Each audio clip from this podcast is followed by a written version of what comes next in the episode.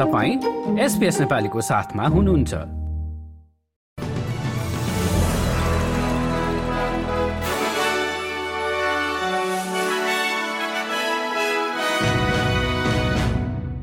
नमस्कार एसपीएसको मंगलबार एक नोभेम्बरको नेपाली समाचारमा हार्दिक स्वागत छ म कृष्ण पोखरेल। सुरुमा आजका मुख्य समाचार। रिजर्भ बैंकद्वारा ब्याज दरमा शून्य दशमलव दुई पाँच प्रतिशतको वृद्धि नयाँ ब्याज दर दुई दशमलव आठ पाँच प्रतिशत पुग्यो। न्यू साउथ वेल्सको बाढ़ीमा हराइरहेका दुईजनाको खोजी कार्य जारी र मेलबर्न कपको उपाधि गोल्ड ट्रिपलाई। रिजर्भ ब्याङ्कले ब्याज दरलाई शून्य दशमलव दुई पाँच अङ्कले बढाउँदै दुई दशमलव आठ पाँच प्रतिशत पुर्याएको छ। बैङ्कको पछिल्लो रेट सन् दुई हजार तेह्र मे पछिकै सबैभन्दा धेरै भएको बताइएको छ। सेप्टेम्बर त्रैमासिकमा सात दशमलव तीन प्रतिशतमा रहेको मुद्रास्फीतिलाई कम गर्ने प्रयास स्वरूप रिजर्भ ब्याङ्कले गत मे महिनादेखि निरन्तर ब्याज दर बढाइरहेको छ। यो वर्षको अन्त्यसम्म मुद्रास्फीति बढेर आठ प्रतिशत पुग्ने रिजर्भ ब्याङ्कको अनुमान रहेको ट्रेजरर जिम चामर्स बताउँछन्। यो दर ट्रेजरीले यसअघि आकलन गरेको भन्दा बढी भएको पनि चामर्सको भनाइ They now expect inflation to peak around 8% towards the end of the year. Uh, the Treasury's expectation is more like seven and three quarters, but they have always said uh, that the risks when it comes to inflation are on the upside, given what's happening uh, in energy markets as a consequence of the war in Ukraine and given the upward pressure on grocery prices brought about uh, by flooding of some of the prime farmland in eastern Australia uh, in particular. यता विपक्षी दलका तर्फबाट एनगस टेलरले भने सरकारसँग बढ्दो मुद्रास्फीति र ब्याज दरलाई कम गर्ने कुनै योजना नभएको आरोप लगाए Australians will pay the price for that. I, have stood here now six times in a row since I became Shadow Treasurer, uh, each time saying what we need from the government is a clear and comprehensive plan to take pressure off interest rates and inflation. And my hope, and I think many Australians' hope, was that we would see that in the budget. We clearly didn't. It was a missed opportunity. भिक्टोरियामा बाढीका कारण राज्यको आपतकालीन सेवा विभाग October महिनामा निकै व्यस्त भएको बताइएको छ अक्टोबरको महिनामा तेह्र हजार सात सय सहयोगका लागि याचनाहरू आएको संस्थाको भनाइ छ गत जुन महिनामा दस हजार सात सय चालिसवटा सहयोगको माग आएको थियो आपतकालीन सेवा विभागका चिफ अपरेसन अफिसर टिम हुइबुसले आगामी छदेखि आठ हप्तासम्म वर्षाको सम्भावना रहेकाले बाढीको प्रकोप सकिन अझै समय लाग्ने बताए is far from over. Um, the flood risk still remains for many parts of our state, with flood watchers out almost for most parts of Victoria at this time.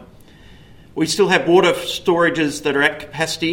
यता न्यू साउथ वेल्सका अधिकारीहरूले बुरोवामा सोमबार बाढीले भोगाएको एक कारमा सवार दुईजनाको खोजी कार्यलाई तीव्रता दिएका छन्।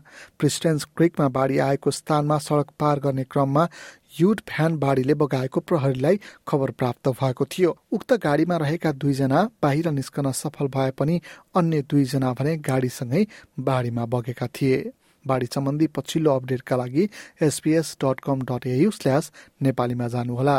न्यू साउथ वेल्स सरकारले ट्रेन ट्र्याम र बस युनियनलाई विशेष व्यवहार नगर्ने स्पष्ट पारेको छ कर्मचारी सम्बन्धी इम्प्लोइ रिलेसन मन्त्री डामेन टुरहोपले तलब र शहरी क्षेत्रमा सञ्चालन हुने रेल सेवामा परिमार्जनको विषयमा भएको वार्ता असफल भएपछि यस्तो प्रतिक्रिया दिएका हुन् We are the employer not only of people who run our trains, but of nurses, we are the employer of police officers, we are employer of teachers, and we have a consistent wage policy which applies across the board. We cannot engage in a process where we give preferential treatment to this union. यता युनियनका Alex क्लाइसेन्सले भने वार्ता सफल नहुनुको अर्थ आगामी हप्ता थप हडतालका कार्यक्रम हुनु भएको बताए We are where we are.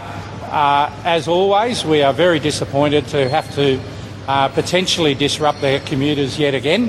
Uh, but unfortunately, you've got an arrogant government that refuses to come to the table and negotiate in good faith. ताजमेनियाली सरकारले पानी जहाज मार्फत पशु ढुवानी सेवालाई रोक्ने भन्ने यसअघिको कदमलाई उल्ट्याएको छ। सन् दुई हजार अठारमा स्प्रिट अफ ताजमेनियामा सोह्रवटा घोडा मारिएको घटनापछि जहाज सञ्चालक कम्पनी टिटीमाथि पशुको सुरक्षामा उचित कदम नचालेको भन्दै अदालतले ठहर गरेपछि शनिबार पशु सम्बन्धी डुवानी सेवा रोक्ने टिटीले बताएको थियो। यस निर्णयपछि घोडा एवं अन्य जीव जन्तुको ओसार पोसार गर्ने कम्पनीहरूले असन्तुष्टि जनाएका थिए। र अब भने खेल समाचार खेलमा मेलबर्न कपका कुरा आजको मेलबर्न कप घोडा दौड प्रतियोगितामा गोल्ड ट्रिप नामक घोडाले जित हासिल गरेको छ वार्षिक रूपमा सञ्चालन हुने मेलबर्न कपमा सियारान मेहेर र डेभिड उस्टेसले तालिम दिएको गोल्ड ट्रिपले पहिलो स्थान प्राप्त गरेको हो उस्टेसले च्यानल टेनसँग बोल्दै दौडमा जित हासिल गर्दा निकै सम्मानित महसुस भएको बताए Yeah, of course. You know, it's um, it's a pinnacle for our sport to do it with Kieran. I'm obviously so grateful to be um, training with him, and uh, it's just a you know a great honour to be doing that with all these good horses and an amazing team of staff that we have. दौडमा इमेसरी दोस्रो भएको छ भने सियारन मेहेरे र David उस्टेसले तालिम दिएको high इमोसिन तेस्रो भएको छ। यसैबीच एक व्यक्तिले रेस हुने स्थान फ्लेमिङटन ट्र्याकमा एक हजार लिटर फोहोरको लेदो ल्याएर फालिदिएका छन्।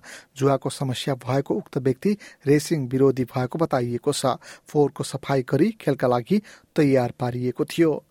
अब भोलि बुधबारको मौसम सम्बन्धी विवरण पर्थमा भोलि आंशिक बादलको अवस्था र छब्बिस डिग्री। एडिलेटमा केही बेर वर्षाको सम्भावना सहित सत्र डिग्री। मेलबर्नमा पनि वर्षाको सम्भावना सहित पन्ध्र डिग्री। होबर्टमा साँझ पख वर्षाको सम्भावना सहित चौध डिग्री अधिकतम। क्यानबेरामा आंशिक बादलको अवस्था र तेह्र डिग्री। ओलङ्गनमा घाम लाग्ने र अठार डिग्री अधिकतम तापक्रम। सिडनीमा पनि घाम लाग्ने सम्भावना सहित एक्काइस डिग्री। न्युक्यासलमा पनि घाम लाग्ने र बाइस डिग्री अधिकतम।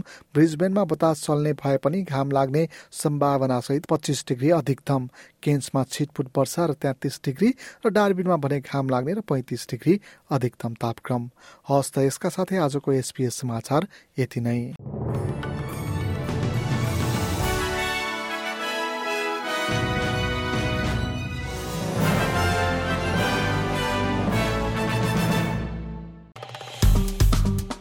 लाइक सेयर र कमेन्ट गर्नुहोस्। एसपिएस नेपालीलाई फेसबुकमा साथ दिनुहोस्।